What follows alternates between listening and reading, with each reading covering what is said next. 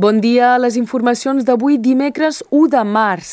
100 milions d'euros és la suma que l'aglomeració de Perpinyà dedicarà a les inversions.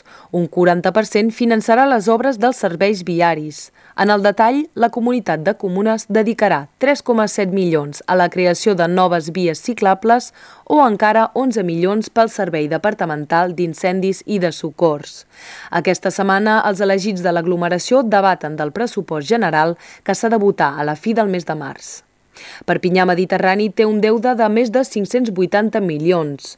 Els elegits de la majoria han assegurat que l'impost sobre els béns immobles no augmentaria pas aquest 2023.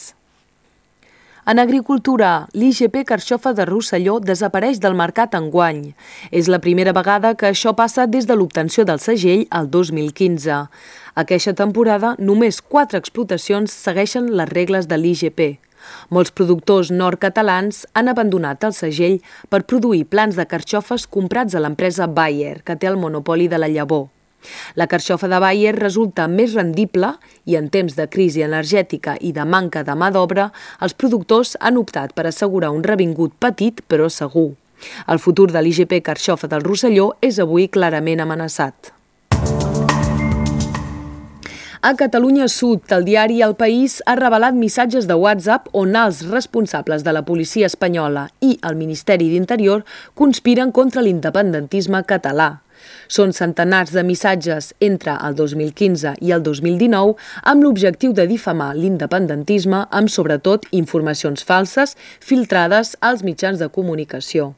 Les converses revelen també com policia i ministeri van intentar trobar comptes bancaris del partit Convergència a Suïssa i van maniobrar perquè el desallotjament de les cases ocupades perjudiqui el partit Podem. Sempre a Catalunya Sud, el govern de la Generalitat pren més mesures per lluitar contra la sequera. Més de 200 municipis són ara declarats en situació excepcional. Concerneix gairebé 6 milions d'habitants. A la pràctica, el rec dels cultius baixa d'un 40%. L'ús de l'aigua per la indústria és rebaixat d'un 15% i es prohibeix netejar els carrers amb aigua potable.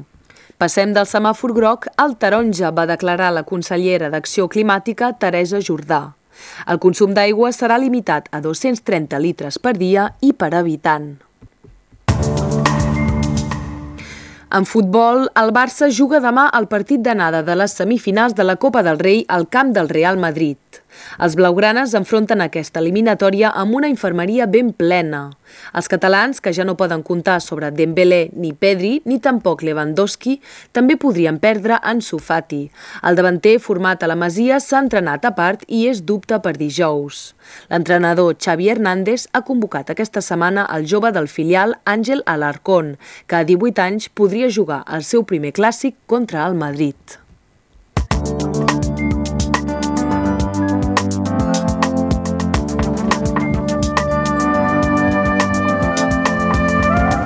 Fins aquí les notícies. Gràcies, Paula. Passem ara a la previsió del temps amb la Meritxell Cristòfol.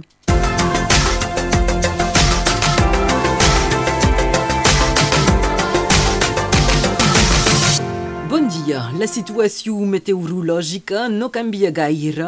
Aquesta tarda, núvols de tipus alt i mitjenc faran la seva aparició i haurien de ser abundants.